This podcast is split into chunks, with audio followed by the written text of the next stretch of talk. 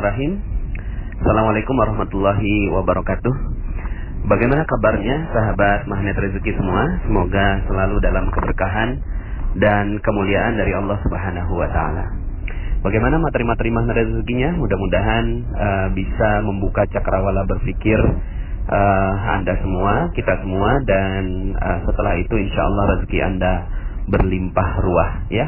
Oke, pada kesempatan kali ini saya ingin menambahkan dosis dari ilmu tentang paradox of candy, jendela buram, dan yang terakhir adalah tips jeruk nipis ya. Nah ini berbicara tentang cicak dan jerapah ya. Uh, Bapak Ibu saya suka sekali dengan uh, dua makhluk Allah ini ya. Dan dua makhluk Allah ini bisa menjadi pelajaran yang berharga untuk kita semua yang pertama adalah cicak. uh, cicak ini Allah berikan menjadi makhluk yang kita lihat setiap hari gitu ya. Jadi uh, dia ada di dinding kita, ada di langit-langit kita gitu ya. Kemudian ada di uh, rumah kita ya. Mudah sekali kita lihat makhluk yang satu ini. Uniknya adalah cicak ini makanannya terbang Bapak Ibu ya makanannya itu nyamuk sementara dia nggak bisa terbang. Uh, ini kita semua sudah tahu ya. Tapi coba kita pikirkan betapa Allah Subhanahu wa taala memberikan rezeki yang unik bagi cicak gitu ya. Cicak nggak bisa terbang. Kalaulah kita jadi cicak apa yang kita katakan kepada Allah? Ya Allah ini nggak adil sekali gitu ya. Kenapa kok rezeki saya malah terbang sementara saya nggak dikasih bekal yang cukup untuk mengejar makanan saya. Tapi cicak tidak melakukan itu. Dia hanya diam-diam merayap gitu ya. Kalau kemudian datang seekor nyamuk, ya, datanglah seekor nyamuk dan lagu ini bagus sekali ya. Cicak-cicak di dinding diam-diam merayap, datang seekor nyamuk bahwa yang menciptakan rezeki itu bukan kita, yang menciptakan rezeki itu adalah Allah. Datang seekor nyamuk, ya. Baru kemudian di situ hab. Nah, ilmu hab inilah yang kita pelajari, gitu ya. Ilmu menangkap nyamuknya itu. Tapi sebelum nyampe ke ilmu hab, Bapak Ibu, uh, pernah nggak Bapak Ibu melihat ada cicak yang jatuh, ya? Dari langit-langit, kemudian tiba-tiba si cicak ini jatuh ke lantai, ya. Itu nyamuknya udah dikit lagi, Bapak Ibu, ya itu lidahnya udah menjulur gitu ya terus kemudian sedikit lagi itu nyamuk kena tapi kemudian akhirnya si cicak tidak berhasil menangkap nyamuk dan akhirnya dia terjatuh Bapak Ibu nah coba kalau seandainya yang jadi cicak sekali lagi adalah kita apa yang kita lakukan kepada Allah Subhanahu wa taala Apakah kita mengatakan demikian? Ya Allah, sungguh nggak adil. Pokoknya saya udah frustasi, saya stres, saya udah nggak mau lagi nyari uh, makan. Ya udahlah, pokoknya terserah engkau. Kalau seandainya saya mati, terserah deh, gitu kan? Apakah itu yang kita lakukan? Ya. Dan sayangnya, sebagian di antara kita sering melakukan itu, Bapak Ibu. Ya. Rezeki kita memang Allah sudah desain sedemikian agar Allah tahu siapa yang benar-benar berusaha, siapa yang benar-benar bekerja dan Allah Subhanahu wa taala ingin lihat kesungguhan kita. Tapi kemudian ketika kita jatuh, maka sebenarnya Allah Subhanahu wa taala ingin memberikan gambaran pada diri kita bahwa sebenarnya bukan kitalah yang mampu untuk menarik rezeki itu tidak sama sekali. Tapi Allah Subhanahu wa taala yang berikan rezeki untuk kita. Kalau Allah mau, maka tidak mudah saja nyamuk itu datang pada si cicak gitu ya. Nah, Bapak Ibu yang dirahmati Allah Subhanahu wa taala, akhirnya cicak ini tetap saja dia naik kembali, diam lagi ya, ber uh, bersungguh-sungguh lagi, bersabar lagi untuk kemudian datang nyamuk yang berikutnya. Nah, Bapak Ibu, semoga kita bisa mengambil hikmah dari uh, kisah nyamuk ini. Nah, kisah yang kedua atau kisah nyamuk dan cicak ya. Kisah yang kedua adalah tentang jerapah. Saya uh, terkaget-kaget ketika menemukan fakta ini Bapak Ibu bahwa ternyata jerapah itu sejak waktu bayi ketika lahir bayi ya kakinya kan uh, panjang sekali Bapak Ibu ya. Lalu kemudian si bayi ini langsung berusaha untuk berdiri. Tapi Bapak Ibu oleh ibunya sendiri ini si jerapah ditendang Bapak Ibu sampai jatuh bayi jerapah ini ditendang oleh ibunya sampai jatuh. Lalu kemudian si bayi jerapah ini naik lagi, berdiri lagi, mencoba untuk berbangun lagi, ditendang lagi sama ibunya. Dia berdiri lagi, ditendang lagi sama ibunya. Berdiri lagi, ditendang lagi sama ibunya. Berdiri lagi, ditendang lagi sama ibunya.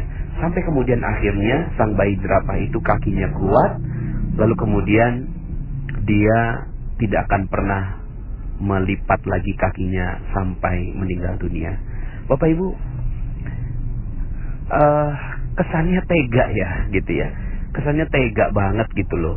Seorang ibu kok ya bisa menendang anaknya atau bayinya sendiri. Masih bayi loh gitu kan. Tapi ditendang. Tapi begitulah kehidupan. Allah ingin menggambarkan kehidupan jerapah. Bahwa ya uh, ibunya jerapah ini punya niat yang sangat-sangat baik untuk menjatuhkan sang bayi jerapah ini. Tapi kemudian ya si bayi jerapah ini nggak paham kenapa saya harus jatuh gitu ya tapi untungnya bayi jerapah ya bayi jerapah Bapak Ibu ya.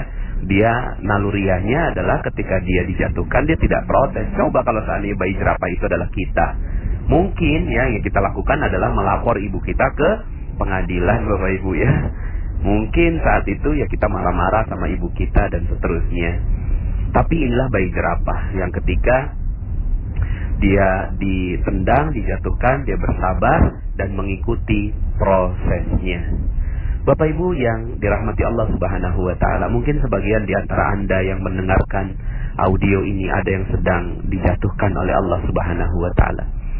Ada yang sedang uh, terpuruk nasibnya, ada yang sedang menderita banyak sekali musibah, ada yang sedang bermasalah dengan suaminya, dengan istrinya, dengan orang tuanya, ada yang bermasalah dengan bisnisnya, ada yang bermasalah dengan rekan-rekan di dalam uh, perusahaan dan seterusnya.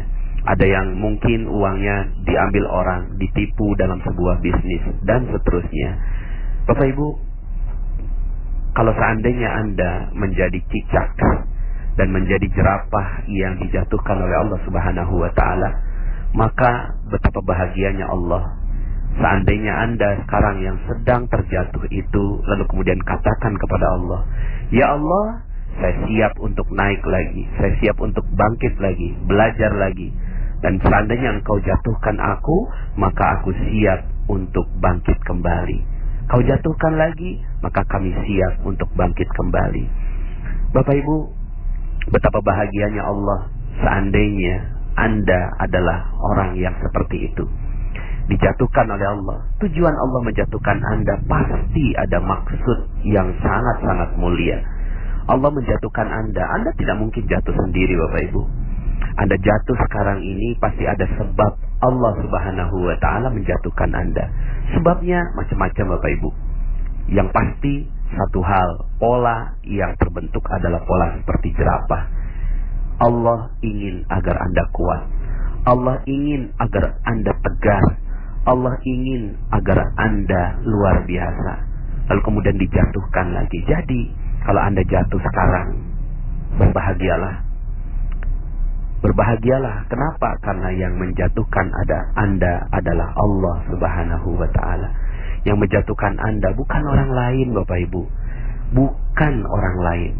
Kalaulah seandainya ada orang lain yang menjatuhkan Anda saat ini, yang mengambil uang Anda, yang melaporkan Anda ke polisi, yang mungkin menjadikan Anda hina, dimaki-maki dan seterusnya.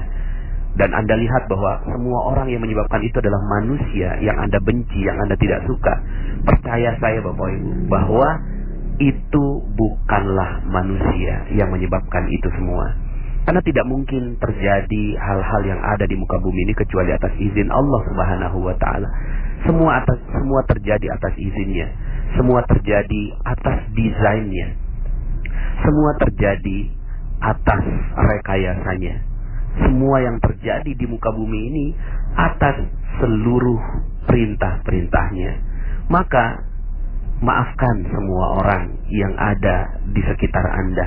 Karena bukan karena mereka Anda jatuh.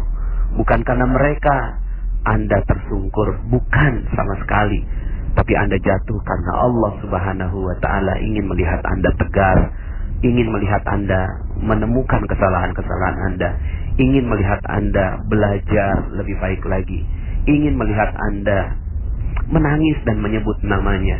lalu kemudian Anda bangkit kembali seperti bayi jerapah yang siap untuk berdiri. Bapak Ibu yang dirahmati Allah Subhanahu wa taala. Sekali lagi, jika Anda sekarang sedang berat, maka nggak usah sirami diri Anda dengan jeruk nipis Bapak Ibu ya. Nggak usah ya. Sudah lepaskan jeruk nipisnya dan terima kejatuhan Anda sebagai satu paket dari rezeki Anda. Satu paket fa inna ma'al usri yusra. Inna ma'al usri yusra. Sesungguhnya bersama kesulitan ada kemudahan. Sungguh bersama kesulitan ada kemudahan. Di balik kesulitan yang sedang menimpa Anda sekarang ini, ada sebuah janji Allah Subhanahu wa taala yang menginginkan Anda menjadi manusia yang luar biasa kuntum khaira ummatin ukhrijat linnas. Kalian adalah sebaik-baik manusia yang dikeluarkan oleh Allah Subhanahu wa taala untuk manusia yang lain. Maka tunjukkan bahwa Anda adalah manusia yang mulia. Tunjukkan bahwa Anda adalah manusia yang terbaik.